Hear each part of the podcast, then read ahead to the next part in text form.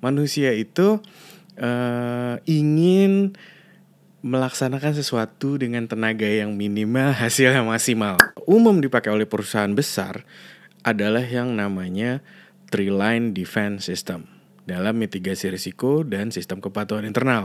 Agar efektif, GCG ini harus dicontohkan oleh top level dulu gitu.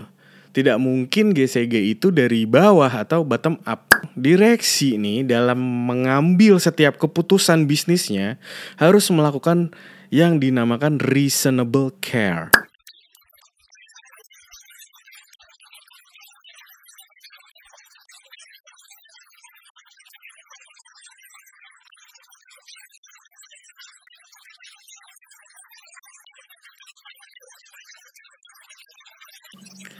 Halo, halo, halo. Apa kabar semuanya? Selamat datang, selamat datang dan selamat datang kembali di Legal Podcast Indonesia. Masih sama gue hostnya Budi Situmorang. Apa kabar semuanya? Gue yakin insya Allah semuanya baik-baik aja ya. Um, Pertama-tama gue mau minta maaf dulu karena lama banget ya uh, biji pala podcast eh biji pala podcast legal podcast Indonesia kosong uh, karena ya alasan klasik kesibukan di kantor dan agak sedikit susah gue menemukan partner untuk ngobrol karena untuk beberapa tema yang sangat ingin gue angkat itu tamunya harus yang kompeten dan cukup memahami masalah dan itulah masalahnya buat gue. But don't worry, gue udah balik di minggu ini. Uh, di episode kali ini, gue bakal ngebahas tentang sistem kepatuhan pada sebuah perseroan terbatas. Uh, disclaimer dulu, gue nggak akan ngobrolin ini detail gitu ya, secara keilmuan banget nggak. Ini gue akan ngambil seri-serinya aja, kira-kira yang gue tahu gue rangkum, termasuk juga dari bahan-bahan dari uh, kuliah gue tentang uh, tata kelola perusahaan yang baik atau good corporate governance. Oke, okay, gue mulai dari mana dulu ya? Gue mulai dari perseroan terbatas sendiri deh mungkin udah banyak yang tahu nggak mesti orang hukum bahwa perseroan terbatas itu adalah sebuah badan hukum.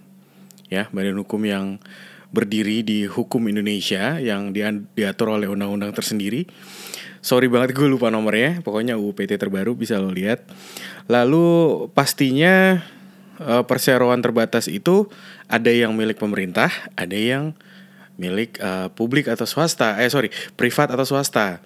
Kalau publik yang milik pemerintah bis, biasanya disebut dengan BUMN atau Badan Usaha Milik Negara yang di mana mayoritas sahamnya dimiliki oleh negara. Sedangkan kalau perseroan terbatas yang dimiliki oleh privat atau swasta itu uh, bisa juga pemerintah mempunyai saham di situ tapi biasanya minoritas jadi tidak tidak memiliki kendali Nah, perseroan terbatas sendiri yang bentuknya privat maupun milik negara itu ada dua jenis pula. Yang pertama adalah perusahaan tertutup yang di mana sahamnya hanya dimiliki oleh sekelompok orang gitu. Sedangkan ada yang namanya perseroan terbuka atau biasanya di belakang namanya tuh ada singkatan TBK. Nah, apa itu TBK? Kalau terbuka berarti perusahaan ini telah menjual sahamnya di bursa efek gitu. Jadi dia sudah mendapatkan dana dari masyarakat. Sahamnya beberapa persen sudah diperjualbelikan. Nah, untuk khususnya perusahaan-perusahaan yang terbuka inilah peran good corporate governance atau sistem kepatuhan itu menjadi krusial. Karena uh, kalau perusahaan tersebut tidak menjalankan sistem tata kelola yang baik, pasti akan tercermin di performa perusahaan tersebut. Sedangkan apabila perusahaan tersebut sudah melantai di bursa, ya performanya harus bagus, dividennya harus tinggi.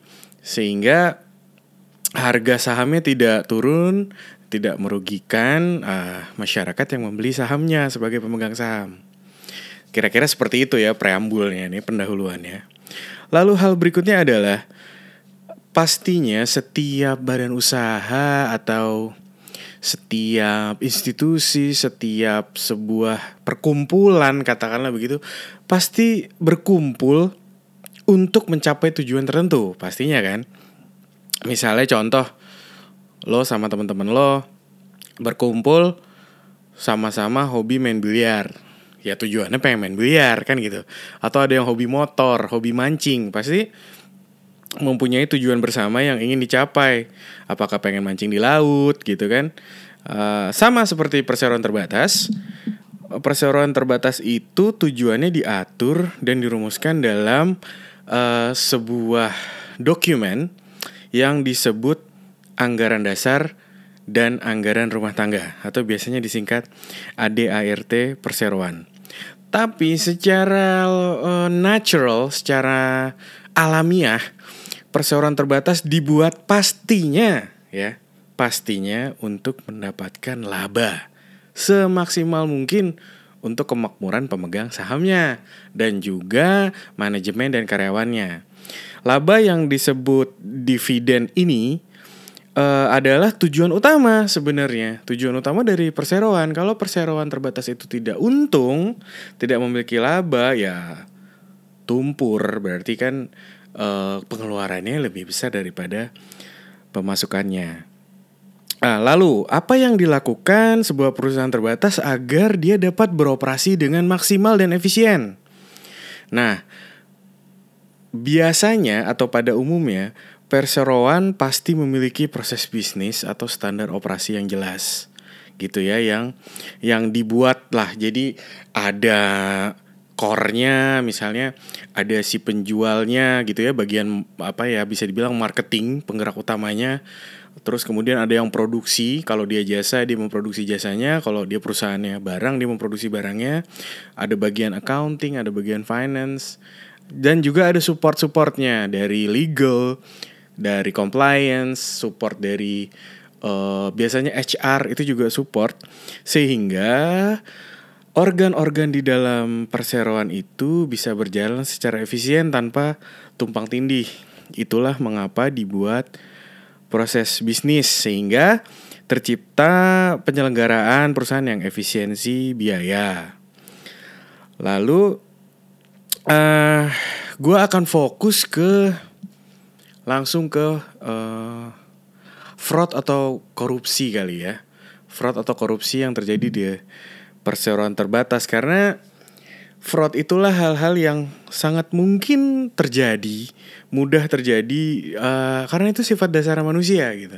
Manusia itu uh, ingin melaksanakan sesuatu dengan tenaga yang minimal, hasil yang maksimal.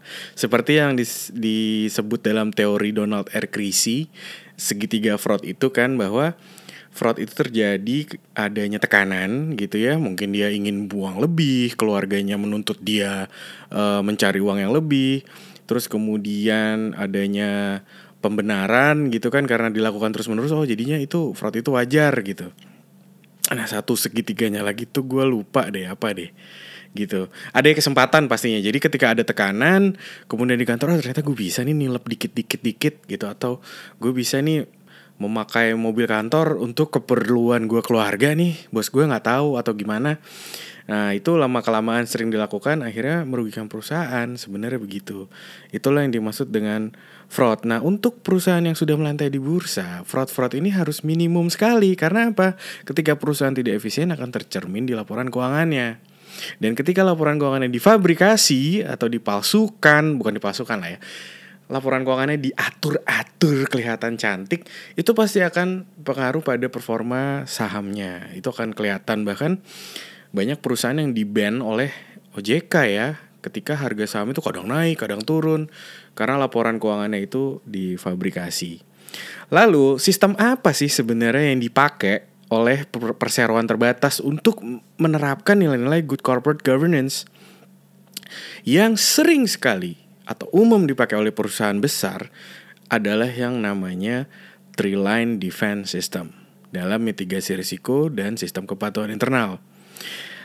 Apa itu three line defense system? Dalam bahasa Indonesia-nya kan berarti pertahanan tiga lapis. Wah, ini kayak sepak bola gitu. Berarti dia memiliki defense yang uh, grandel gitu kayak gue sambungin ke timnas Itali gitu, Catenaccio gitu. Jadi kalau lewat satu backnya ada back kedua, back keduanya lewat masih ada back ketiga, back ketiganya lewat masih ada kiper.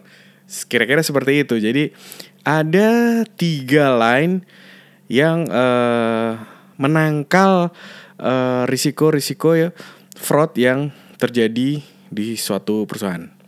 Gue akan masuk ke sana, tapi sebelum gue masuk ke pengertian three line defense system, gue masuk dulu ke pengertian GCG kali ya, good corporate governance secara singkat singkat saja atau dengan bahasa yang sederhana saja. Jadi ini gue bacain ya. GCG adalah sebuah sistem atau pedoman dalam melaksanakan suatu tata kelola dalam sebuah perseroan dengan baik gitu. Nah, jadi uh, ada tata kelolanya lah, ada aturan sama aja kayak di mana pun di sekolah kita ada aturan gitu kita harus masuk jam 7 misalnya kita harus ngerjain PR terus ada nilai rata-rata yang harus kita raih untuk lulus kira-kira seperti itu secara singkatnya nah agar efektif GCG ini harus dicontohkan oleh top level dulu gitu. Tidak mungkin GCG itu dari bawah atau bottom up. Jadi harus top down. Jadi walk the talk. Bahasa-bahasa anak sekarang tuh walk the talk. Jadi kalau seorang manajemen perusahaan misalnya direksinya bilang, "Kamu jangan melakukan ini ya. Jangan simple gini deh. Kamu jangan telat ya datang ke kantor gitu." Terus kalau bisa uh, berikan yang lebih gitu. Jangan pelit-pelit tenaga. Tapi direksinya datangnya siang. Main golf dulu misalnya kan. Habis main golf, pagi main golf sampai jam 12, masuk kantor jam 1 gitu. Jam 5, oh cabut saya ada meeting di luar padahal meeting yang lain misalnya. Nah, itu itu banyak terjadi gitu. Jadi kalau GCG itu tidak dicontohkan oleh direksinya ya percuma gitu, tidak akan tidak akan efektif. Jadi uh, dewan direksi dan dewan komisaris adalah contoh bagi seluruh organ sebuah perseroan terbatas. Nah, pada dasarnya dewan direksi atau top management itu harus melaksanakan tugasnya sesuai dengan nilai-nilai yang sangat penting. Itu ada dua nilai dalam uh, teori GCG. Yang pertama adalah duty of care dan yang kedua adalah duty of loyalty. Nah, makin bingung lagi nih ya apa duty of care, apa duty of loyalty. Uh, ya itu seperti artinya care gitu ya, peduli, loyal gitu. Uh, yang pertama adalah duty of care. Jadi dalam melaksanakan tugasnya, direksi itu kan diberikan kepercayaan dan bertanggung jawab penuh kepada para pemegang saham lewat mekanisme rapat umum pemegang saham. Nah, oleh sebab itu, direksi ini dalam mengambil setiap keputusan bisnisnya harus melakukan yang dinamakan reasonable care atau memperhitungkan segala risiko gitu kemampuan dan juga aturan yang berlaku. Jadi risiko, kemampuan dan aturan yang berlaku. Nah, reasonable care ini memiliki dua elemen, yaitu yang pertama adalah direksi harus memastikan bahwa telah bertindak secara jujur dan niat yang baik. Nah, ini nih, ini susah dibuktikan. Acting in a good faith. Ini susah banget dibuktikan, tapi itu akan tercermin dari tindak tanduk direksi tadi, misalnya walk the talk. Dia ngomong saya ingin mencapai A bersama kalian. Iya, tindakan dia itu harus mencerminkan dia ingin mencapai tujuan A. Kalau dia bilang, ayo kita mencapai tujuan bersama-sama, tapi ternyata dia melakukan tindakan-tindakan yang menuju B, ya itu bisa kita simpulkan direksi tersebut tidak acting in a good faith. Jadi apa pun yang dilakukan semata-mata bukan untuk kepentingan dia pribadi karena mostly nih ya manajemen perusahaan besar atau perusahaan terbatas besar itu gajinya udah besar. So, ketika lo dibayar gede ya kan? Lo harus bertindak sebisa mungkin untuk kepentingan perusahaan yang udah membayar lo gede. Kan seperti itu.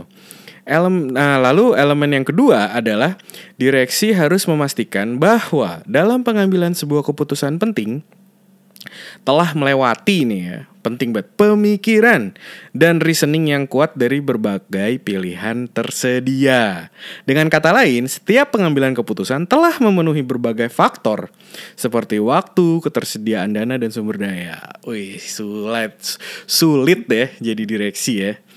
Jadi ketika dia mengambil keputusan bisnis A, B, C, D atau E, nah dia harus melihat apakah waktunya cukup, apakah anggaran yang bisa dia pakai dananya cukup gitu ya. Dan sumber dayanya apakah manusia-manusia yang di bawahnya ini GM-nya, manajernya mampu nggak mencapai mimpi dia. Jadi tujuan itu tidak boleh terlalu tinggi yang tidak bisa dicapai walaupun katanya gantungkanlah cita-citamu seperti langit. Eh gantungkanlah cita-citamu setinggi langit sorry. Tapi kalau dalam dunia uh, perseroan terbatas atau dunia kerja rasanya harus ada juga nilai-nilai standar kira-kira ini tercapai nggak ya gitu. Nah itu tadi duty of care. Jadi uh, saya simpulkan, gue simpulkan itu sebenarnya bagaimana lo care sama perusahaan itu. Lo punya reasonable care dalam melakukan pekerjaan lo. Nah, menurut gue pribadi, setelah gue belajar hal ini, hal ini tidak penting hanya uh, tidak hanya penting untuk direksi saja gitu. Kita juga sebagai karyawan atau di mana pun kita bekerja, sebenarnya baik juga kita harus mempunyai acting in a good faith dalam melaksanakan kerjaan kita sehari-hari sesuai SOP bahwa untuk kemajuan perusahaan saja bukan untuk kepentingan kita pribadi. Lalu dalam kita mengerjakan tugas kita juga kita mengatur jadwal timetable apa yang sudah ditugaskan oleh atasan kita juga harus memperhitungkan waktu, ketersediaan dana dan sumber daya gitu. Jadi menurut gue hal ini juga duty of care ini harus dilaksanakan juga oleh seluruh elemen. Tapi memang harus dicontohkan dulu oleh uh, manajemen tertinggi atau di mana biasanya adalah dewan direksi atau board of director. Lalu yang kedua tadi gue bilang kan ada duty of care, ada duty of loyalty. Yang dimaksud dengan duty of loyalty adalah direksi haruslah setia kepada perseroan dan pemegang saham. bahasanya serem ya. Dan selalu bertindak untuk sebesar-besarnya kepentingan perseroan bukan untuk kepentingan pribadi atau kelompok tertentu. Nah, jadi uh, intinya tidak ada self dealing lah. Jadi apa pun yang lo lakukan, apa pun yang dilakukan oleh seorang direksi atau top level management itu semata-mata hanya untuk kepentingan perusahaan, untuk kemajuan perusahaan. Lu boleh boros-boros, lu mau ke mana-kemana sebagai seorang direksi, asal lu bisa mencapai target yang diberikan uh, oleh pemegang saham. Nah, nilai-nilai ini, nilai-nilai tadi ini, dua nilai ini disebut fiduciary duties, gitu ya. Nilai tersebut disebut dengan fiduciary duties. Ini harus dilaksanakan dengan penuh kesadaran oleh jajaran eksekutif sehingga apabila kedua hal itu secara garis besar tertanam maka sistem kepatuhan itu 50% sudah berjalan gitu. Karena top level manajemen tuh sadar, oh ini boleh dilakukan, ini tidak boleh dilakukan, dan itu bisa dicontoh oleh level-level yang di bawahnya. Lalu yang kedua tadi tentang three lines defense atau sistem pertahanan tiga lapis. Nah, model three lines defense adalah sistem yang membedakan atau membagi fungsi-fungsi bisnis di dalam sebuah perseroan menjadi tiga fungsi.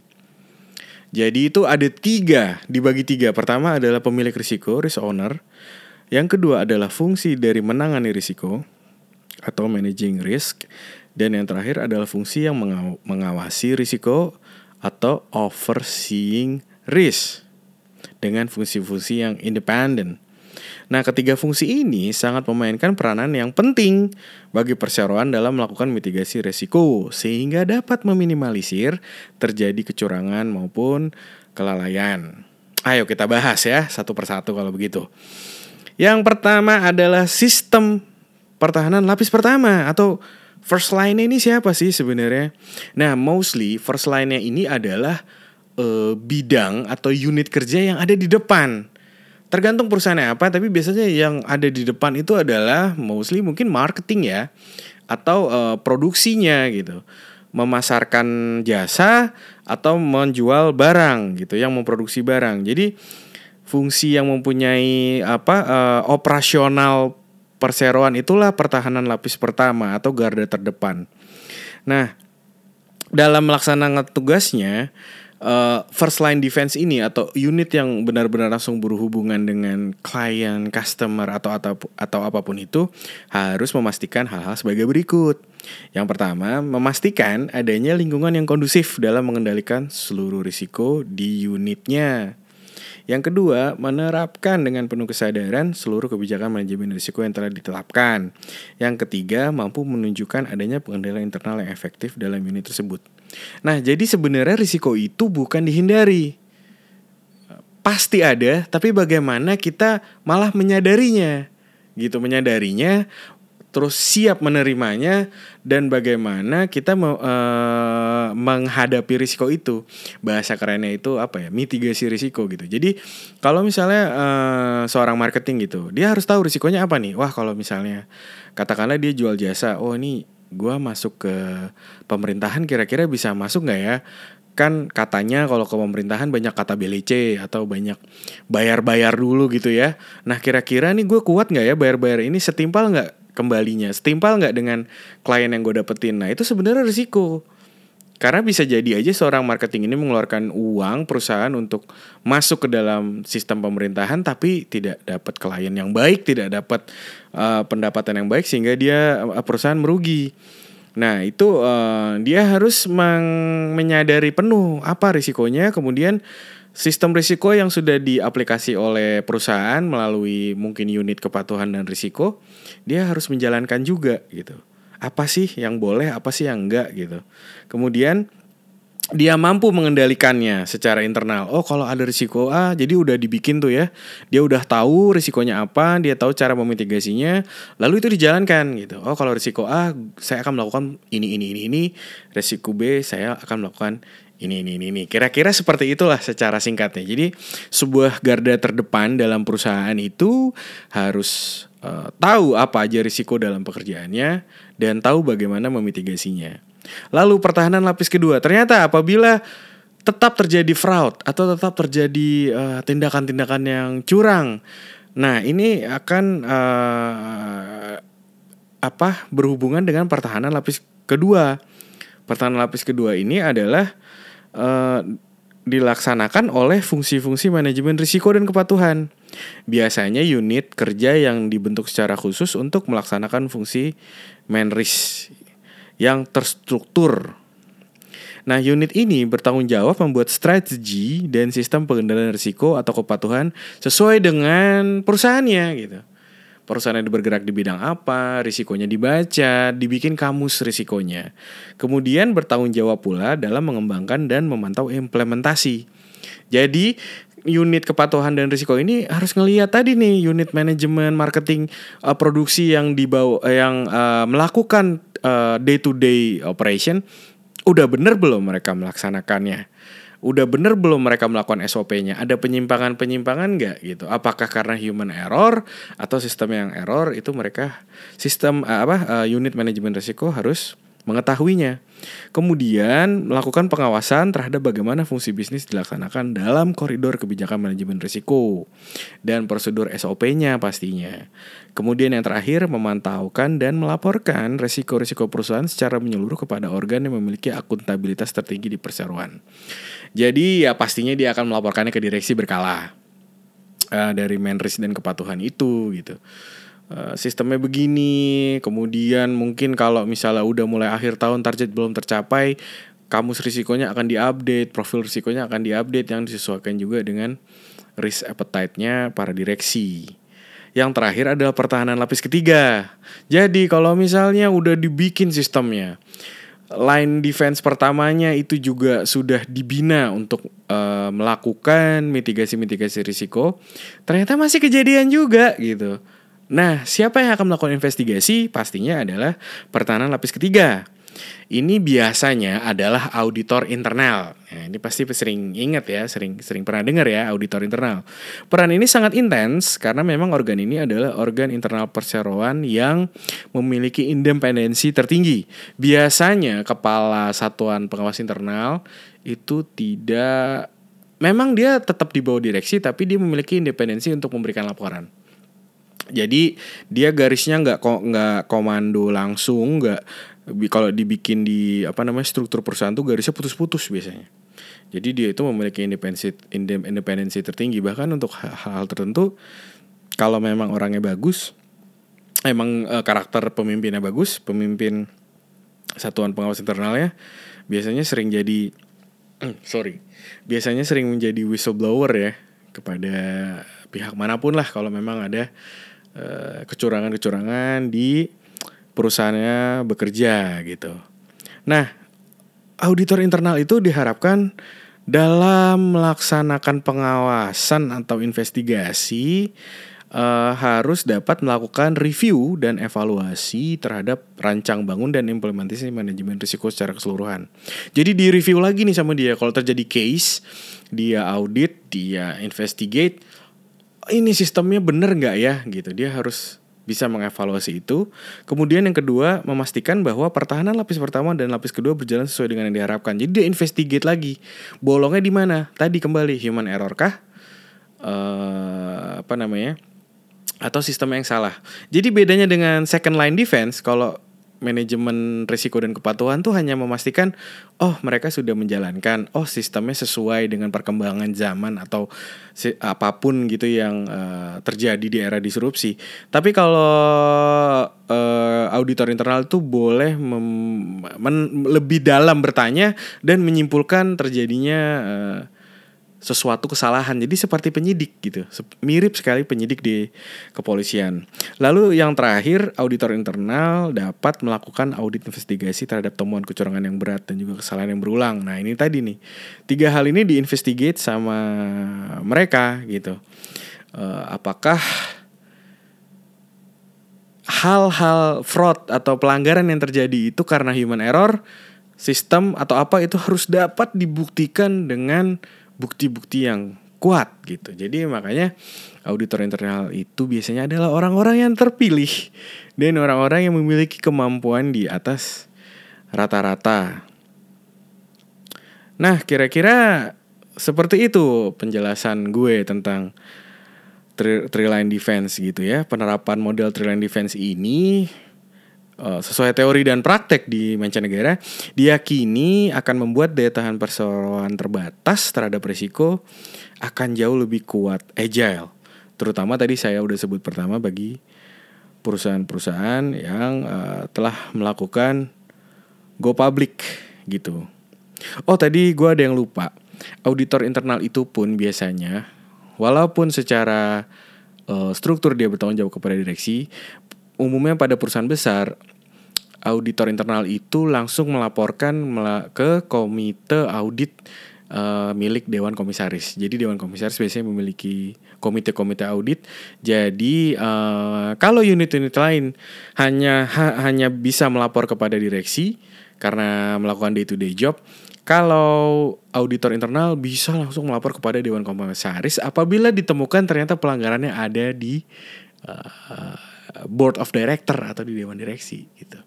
Jadi sebenarnya dia memiliki um, power yang lebih kuat dari unit unit lainnya ya. Kecuali memang orang-orang di dalamnya tidak berintegritas sehingga ya akhirnya keikut permainan. Ya, itu tadi saya bilang kalau three line defense-nya atau back terakhirnya mainnya nggak benar atau tidak jujur ya bobol lah. Terjadilah gol gitu. Karena penjaga gawangnya udah nggak ada batalan terakhirnya udah nggak ada Ya kira-kira itulah uh, sekelumit cerita gue tentang good corporate governance tadi ya. Gue rangkum dikit tadi gue udah jelasin dari awal perseroan terbatas itu apa terus ada yang perusahaan terbuka dan tertutup bagi yang sudah terbuka melantai di bursa itu penting banget melaksanakan tugasnya dengan baik, melaksanakan uh, apa ya SOP-nya dengan baik sehingga memberikan keuntungan yang maksimal atau dividen yang baik sehingga harga sahamnya di pasar baik kan begitu. Kemudian uh, dewan direksi harus dapat melakukan fiduciary duties yang baik yaitu duty of care and duty of loyalty. Jadi mereka harus melaksanakan tugasnya sebesar-besarnya untuk kemaslahatan ya. Saya bilang kemaslahatan de uh, sorry kemaslahatan pemegang saham gitu. Apalagi perusahaan go public pemegang saham masyarakat. Jadi dia bertanggung jawab kepada masyarakat. Lalu sistem yang umumnya dipakai adalah tadi saya bilang three line defense. Jadi backnya seperti ada tiga. Uh, bahwa line yang pertama atau unit terdepan seperti marketing harus mengetahui risiko-risiko dalam bisnisnya sehingga dapat menjalankan tugasnya sesuai SOP dan sistem uh, risk management yang udah di, digariskan oleh the second line defense. Nah, second line defense-nya adalah unit biasanya manajemen risiko dan kepatuhan. Dia menciptakan sistemnya, kemudian membaca uh, apa namanya membaca keadaan secara umum trennya seperti apa uh, ris uh, kamus risiko profil risiko segala macam dibuat oleh mereka lalu apabila dua sistem ini masih bobol terjadi pelanggaran atau fraud maka Triline Defense bertindak yaitu auditor internal untuk melakukan investigasi khusus atau investigasi kasus gitu. Kalau tiga-tiganya bobol juga ya itu tadi saya bilang berarti perusahaan ini integritasnya jelek sekali dan biasanya perusahaan yang jelek integritasnya ya akan gulung tikar uh, pada waktunya gitu. Tidak ada yang abadi gitu. Ya itulah kira-kira rangkumannya. Mudah-mudahan ini bermanfaat ya gue juga nggak expert-expert banget dan pinter-pinter banget sih. Cuman gue pengen share aja. Mudah-mudahan penyampaian gue dapat di apa ya dipahami dengan baik. Mungkin tadi ada yang belibet-belibet gue mohon maaf. Soalnya siaran sendiri jadi deg-degan gitu ya. Nggak ada temennya jadi kayak kalau salah-salah dan gue sendiri gitu. Oke, okay, uh, thank you everybody for listening Legal Podcast Indonesia. Legal Podcast Indonesia adalah bagian dari Biji Pala Podcast Network.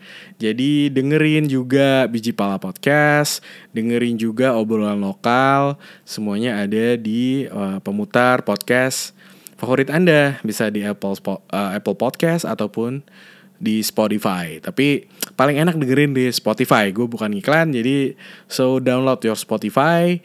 Uh, kalaupun gak punya account premium, uh, lo semua bisa dengerin podcast dari Biji Pala Podcast Network. Oke, terima kasih sekali lagi terima kasih Budi Sitomorang pamit.